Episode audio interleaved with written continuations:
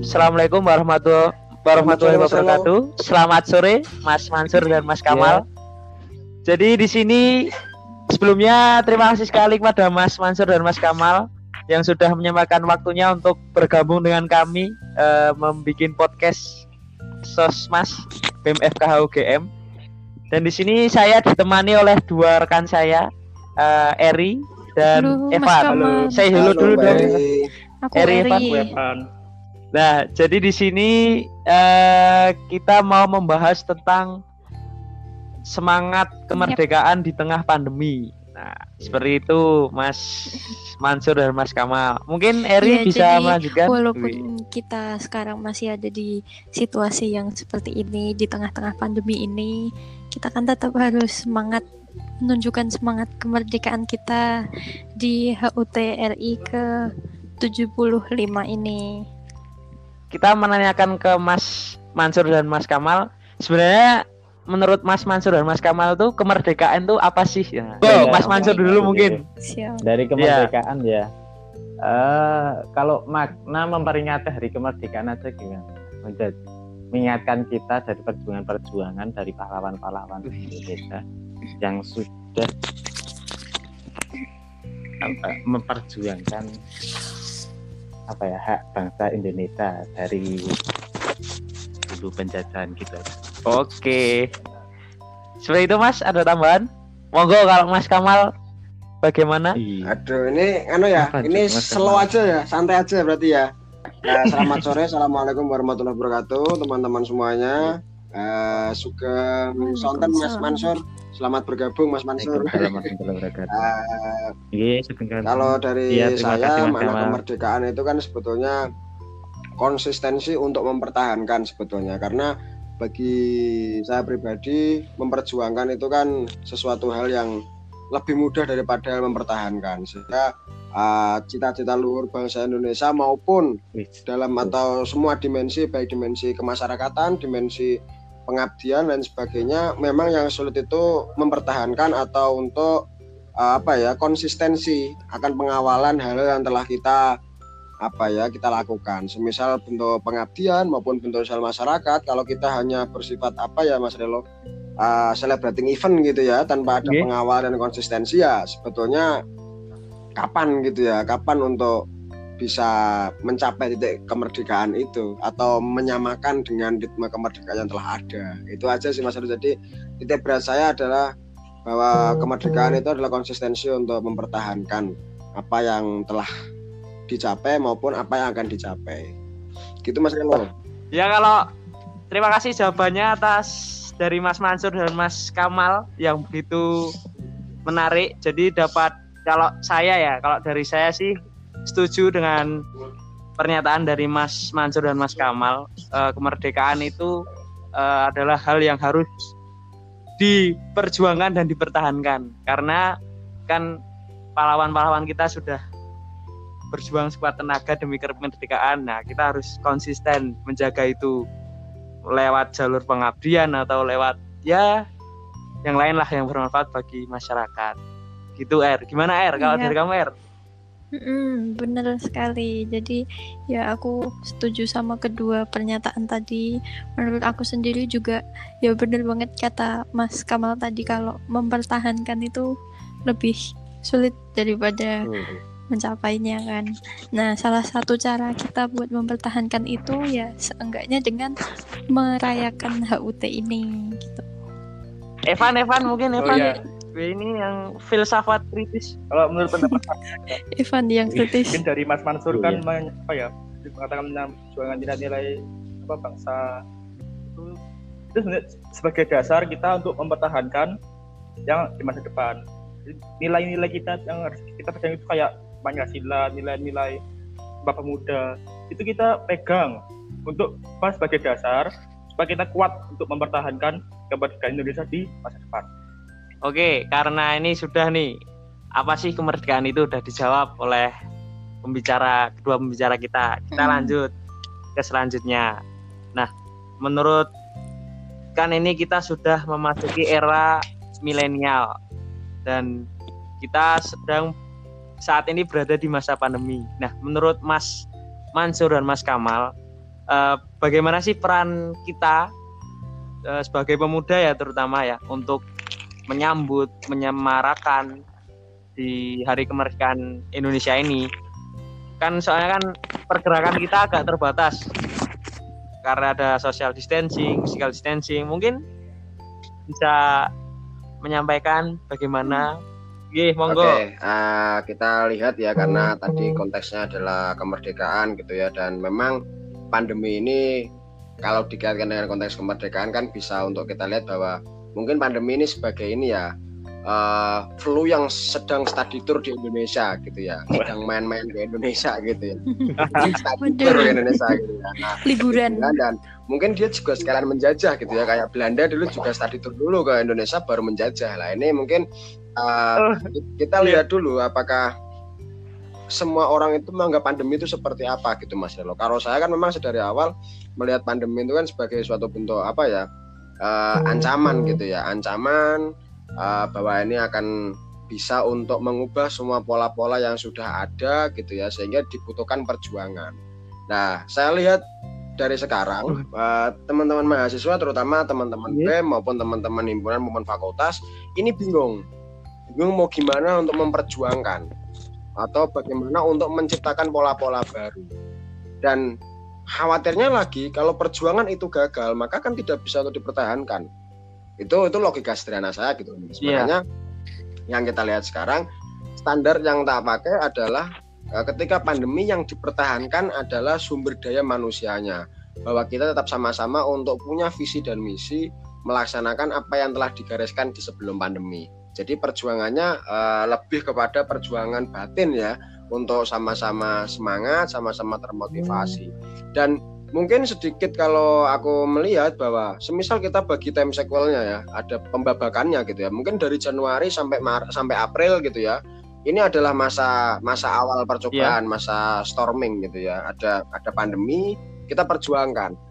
Masa Mei Juni dan Juli mungkin kita bisa anggap itu sebagai masa transisi ke arah new normal. Kita mau, sudah mulai mendapatkan pola-pola baru gimana uh, apa ya telah kita kita telah brainstorm di awal kita punya masa transisi.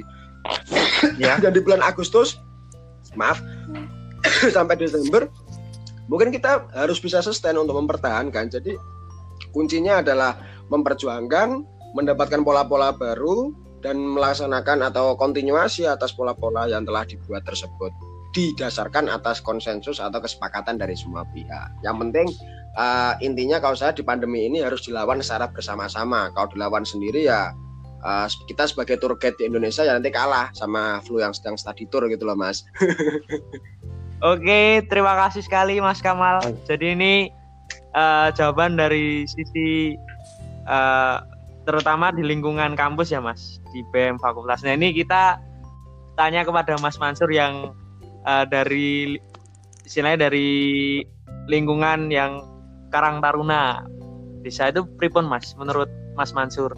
Oh iya uh, tentang pandemi ini dampaknya untuk kehidupan sosial sekarang tahunnya gitu ya. Uh, jadi ini malah sebuah momen untuk kita saling memberi dukungan. Jadi karena kemarin itu ketika pandemi begitu ada pandemi kan ada uh, masa-masanya awal-awal pandemi itu banyak orang panik, uh, yeah. banyak yang juga apa ya lebih mengepentingkan dirinya sendiri dan beranjak ke apa ya eh, peduli ke sesama dan akhirnya kita saling akhirnya pada sisi berikutnya kita saling memberi dukungan antara satu sama lain untuk bisa bangkit bersama untuk kita saling menjaga dari pandemi ini kan ya. Yang kita rasain di Karang Taruna seperti itu hmm, iya mas. Uh, kalau dari Karang Taruna sendiri Mas yang kan karena pandemi ini apakah ada kegiatan-kegiatan yang menyambut kemerdekaan gitu Mas? Atau ditiadakan atau diubah dengan cara lain?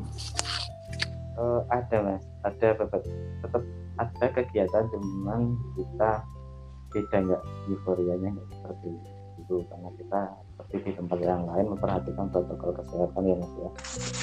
Oh. Uh, kemarin kita ya untuk ya seperti pengibaran bendera di setiap di sisi-sisi jalan kita masih tetap laksanakan terus untuk uh, penyemangatnya untuk memperingati hari kemerdekaan kita cuma bisa melaksanakan besok itu ada kayak festival yang, yang kenapa kita mengambil itu karena kalau orang main festival layang-layang itu nggak menimbulkan kerumunan.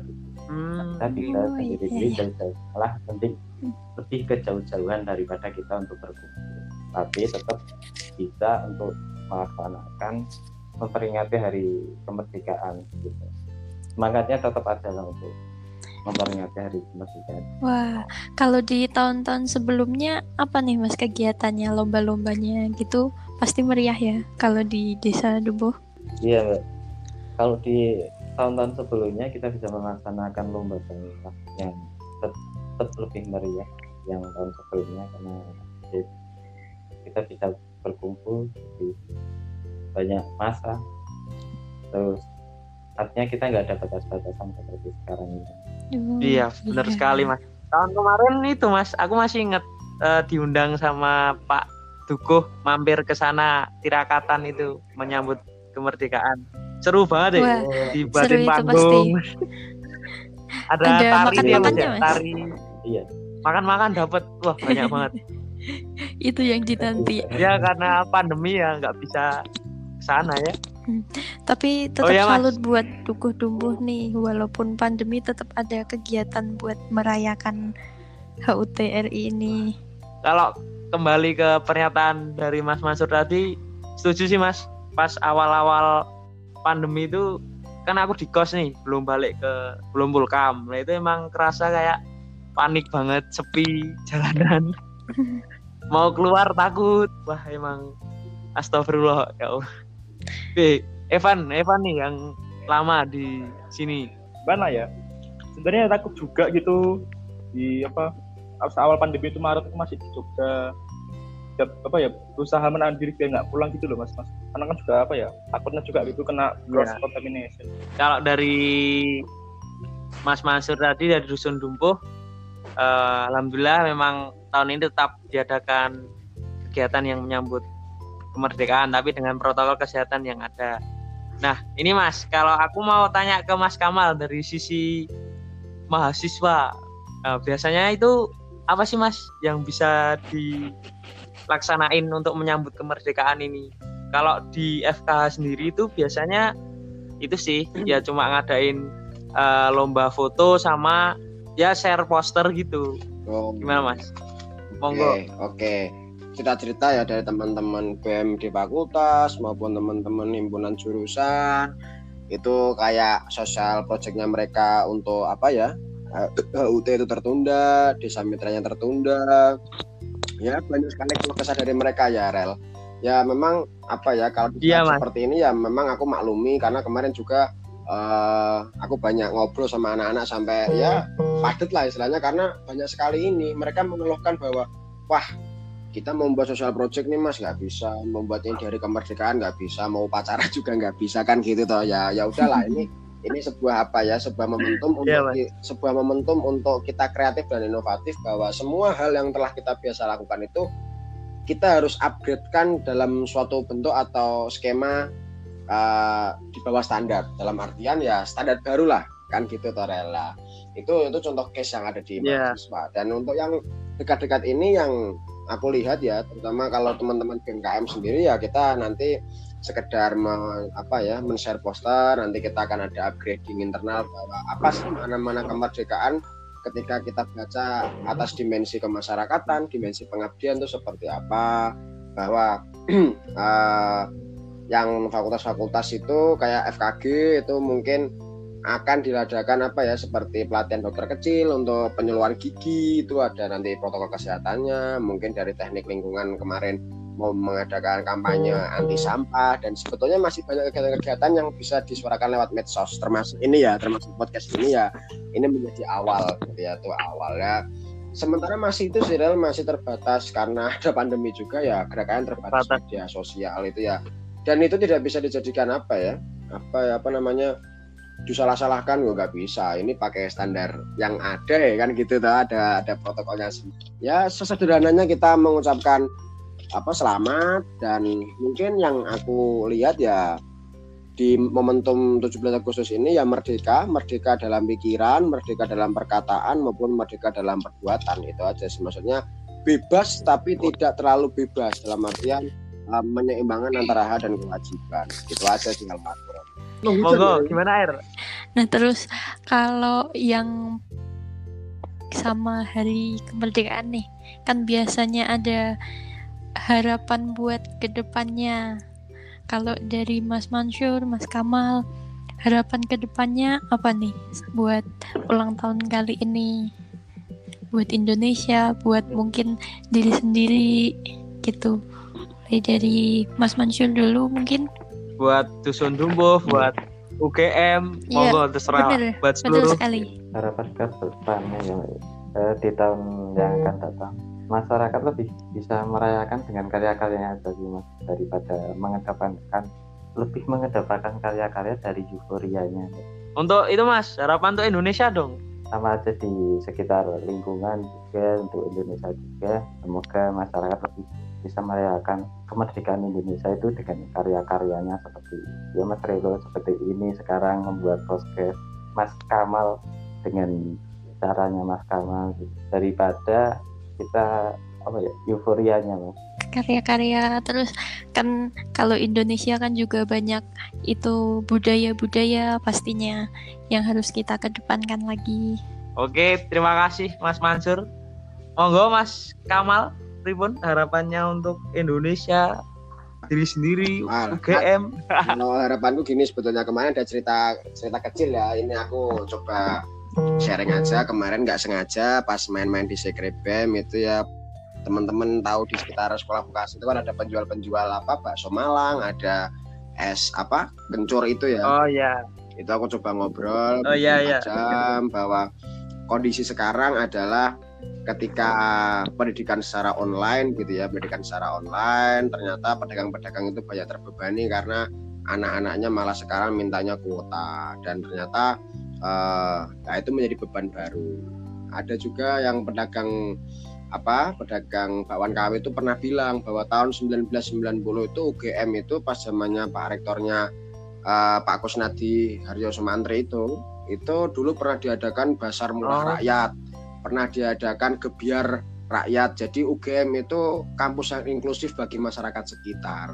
Uh, masyarakat itu bisa tidak ada tidak ada sekat dengan akademisi akademisi tidak menaruh segan kepada masyarakat ataupun sebaliknya gitu ya jadi uh, kita berpedoman as a human gitu ya sebagai manusia aja nah itu yang yeah. cita-cita hmm. untuk UGM aku mengambil mengadopsi dari tukang uh, dari bapak-bapak penjual bakwan kawi bahwa uh, memandang manusia ya sebagai manusia ya anda boleh akademisi saya boleh bakwan kawi tapi ya sama-sama aja lah. Kalau ngobrol juga nggak usah pakai apa ya segan-seganan ya gitu mas. Kalau kasarannya ya pokoknya intinya kita sama-sama sebagai manusia ya, sama-sama saling bantu. Itu untuk harapan untuk UGM supaya lebih inklusif lagi.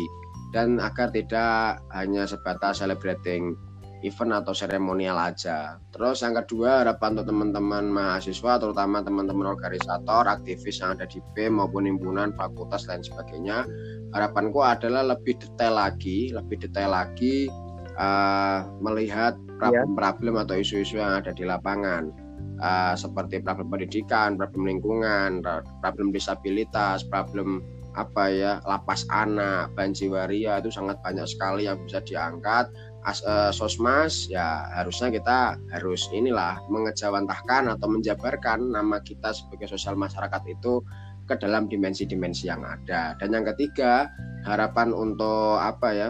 Harapan untuk aku sendiri uh, dan teman-teman mungkin itu pribadi bahwa uh, semakin dewasa ini kan problemnya adalah adanya ketidakmerdekaan dalam berpikir dan melakukan karena gini menurutku ya rel karena uh, bisa ya, aja kita kita berpikir merdeka kita pengen ini pengen itu tapi ternyata kita ada keterbatasan karena kita mahasiswa atau kita apa ya yang mungkin kita bisa lebih untuk menyesuaikan lagi. Dan yang terpenting adalah aku sangat setuju dengan Mas Mansur tadi bahwa kalau youtuber-youtuber bilang itu kalau kalau kalau mau cari subscribe itu ya lewat konten yang baik uh, lewat konten yang bagus dan konten yang punya apa ya punya wawasan yang baik atau konten yang edukatif sama juga dengan mahasiswa ataupun yang lainnya. Kalau teman-teman itu pengen untuk bermanfaat bagi sekitar terutama kita bicara terkait dengan dimensi kemasyarakatan ya apa aksi kita, apa karya kita dan apa perjuangan kita untuk mengawal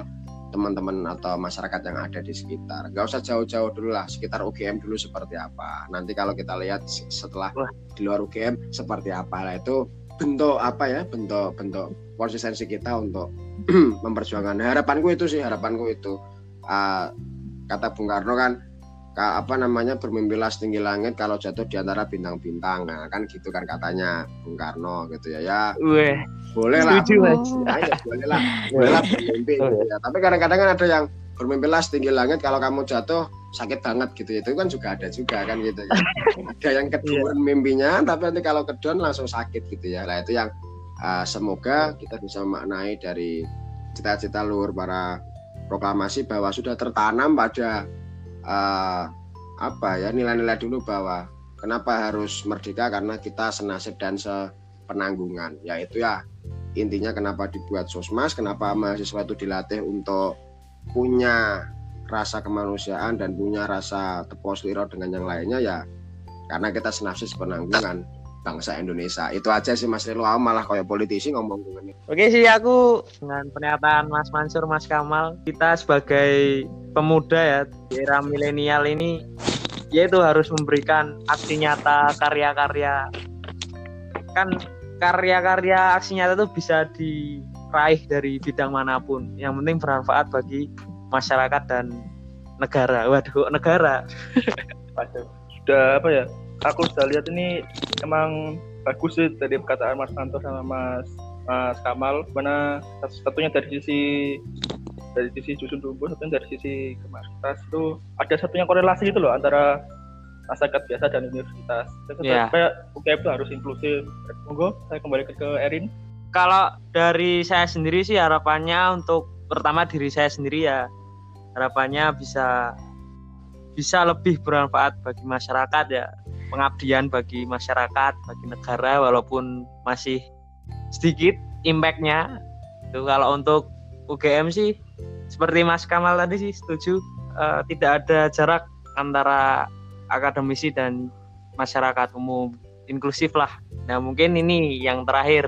Saya minta ke Mas Mansur dan Mas Kamal memberi semangat untuk pendengar podcast ini di tengah pandemi. Monggo Mas Kamal dulu mungkin. Oke, uh, buat teman-teman yang mendengar podcast ini yang di uh, selenggarakan oleh teman-teman BMFKH dalam menyambut kemerdekaan bahwasanya aku lebih gini ya aku aku mengapresiasi teman-teman yang mau mendengarkan podcast ini dan memang seharusnya harus mendengarkan karena apa karena semua itu dimulai dari mendengar dulu ketika kita mendengar lalu kita bisa melihat dan ketika kita bisa melihat nanti kita bisa berbicara.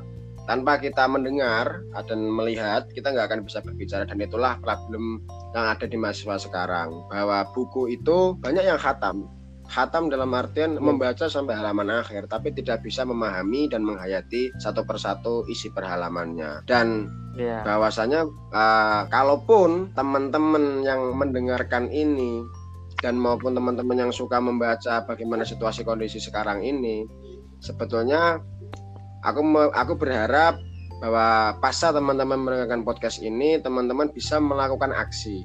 Karena semua hal yang besar itu dimulai dari hal-hal yang kecil tapi konkret tapi yang realistis. Teman-teman mungkin bisa melakukan penilaian terhadap tetangganya teman-teman mungkin yang uh, mau mewujudkan cita-cita Bung Karno mungkin pendidikan yang apa ya equality education gitu ya. Silahkan teman-teman bisa untuk mengajar tetangganya yang, yang kesulitan yang orang tuanya buruh yang nggak bisa mengajar anaknya yang orang tuanya tidak di rumah dan anda bisa menjembatani untuk mengajar anaknya ataupun hal yang lain. Kecil kecil kecil tapi hal yang konkret. Dan itulah pesan dari Mas Relo sebetulnya dalam podcast kali ini adalah semua diawali dari hal-hal yang kecil aksi-aksi yang kecil namun konkret. Semoga uh, apa yang teman-teman sore hari ini dengar gitu ya Mas Elo aku berharap bahwa bisa membuka sedikit kemauannya untuk terun untuk mengejawantahkan bahwa Tridharma perguruan tinggi adalah bentuk pengabdian ke masyarakat. Dan itu porsinya harus sama dengan penelitian dan pendidikan gitu ya. Kalau kalau bahasaku ya 30 30 30 persen gitu ya. Itu silakan. Yeah. Uh, teman-teman mahasiswa harus sadar. Dan jangan sekali-kali apa ya mengatakan bahwa ah aku nggak bisa nih Mas Relo. Aku aku apa ya aku enggan nih aku malu nih. Nggak semua itu kan harus dicoba dulu. Kalau usaha wira wira wira usaha gitu ya. Kalau nggak dicoba mana tahu untungnya seperti apa. Coba dulu temukan solusinya temukan cara komunikasi. Jujur kalau kamu sudah apa ya Mas Elo kalau udah udah udah pernah merasakan tuh nanti nanti pasti akan ketagihan dan semoga teman-teman ketagihan untuk melakukan aksi-aksi di lapangan secara nyata. Gitu aja Mas Amin amin. Siap. Terima kasih Mas Kamal. Monggo Mas Mansur. Uh, memberikan semangat untuk pendengar podcast ini. Monggo Mas. Uh, saya ucapkan terima kasih buat Mas Relo dan teman-teman FKH yang sudah mengundang saya dan mengizinkan saya malah di sini menimba ilmu dari Mas Kamal ini. Waduh. Mantap ini Mas pesan-pesannya saya masukkan ke hati. buat penyemangat teman-teman juga. Oke. Kalau dari saya pesan-pesan buat pendengar podcast tetaplah berkarya di mana pun kamu berada dan apa pun keadaannya di mana kamu terbentur sebuah masalah maka selesaikan uh, tidak ada yang apa ya, membendung kamu untuk maju selama kamu masih bisa berusaha. Di sisi kamu tidak bisa pasti di suatu sisi kecil ada sesuatu yang bisa kamu perbuat mantap. kita kita berusaha dulu seperti usahanya. Eh seperti yang disampaikan Mas Kamal tadi usaha dulu maka setelah bisa nanti malah ketagihan gitu atau gimana tadi Mas? Gih. sudah tetap banget dengan yang disampaikan Mas Kamal tadi itu aja Mas Relo. Terima kasih ya Mas Relo ya. Oke terima kasih Mas Mansur. Jadi ini guys untuk teman-teman yang mendengar podcast sangat menarik pembicaraan dari uh, pernyataan dari Mas Mansur dan Mas Kamal. Jadi Mas Mansur ini Karang Taruna, ketua Karang Taruna Dusun Dumbuh dan Mas Kamal ini uh, kepala Departemen Sosmas Menteri, Menteri. Kementerian Sosmas BMKM. Dan dapat kita disimpulkan bahwa di hari kemerdekaan ini yang di tengah pandemi kita harus tetap semangat tetap berkarya, memberikan aksi nyata untuk kebermanfaatan masyarakat sekitar dan jangan lupa tetap memperjuangkan cita-cita kalian. Waduh, itu sih dari podcast kali ini. Sebenarnya terima kasih sekali kepada Mas Mansur dan Mas Kamal atas waktunya. Kami eh, merasa tersanjung atas kehadiran Mas Mansur dan Mas Kamal yang di podcast yang tidak terlalu tertata ini. podcast santai. Mohon maaf sebelumnya mas kalau ada tutur kata yang kurang berkenan dari kami selaku penyedia podcast. Itu sih mas.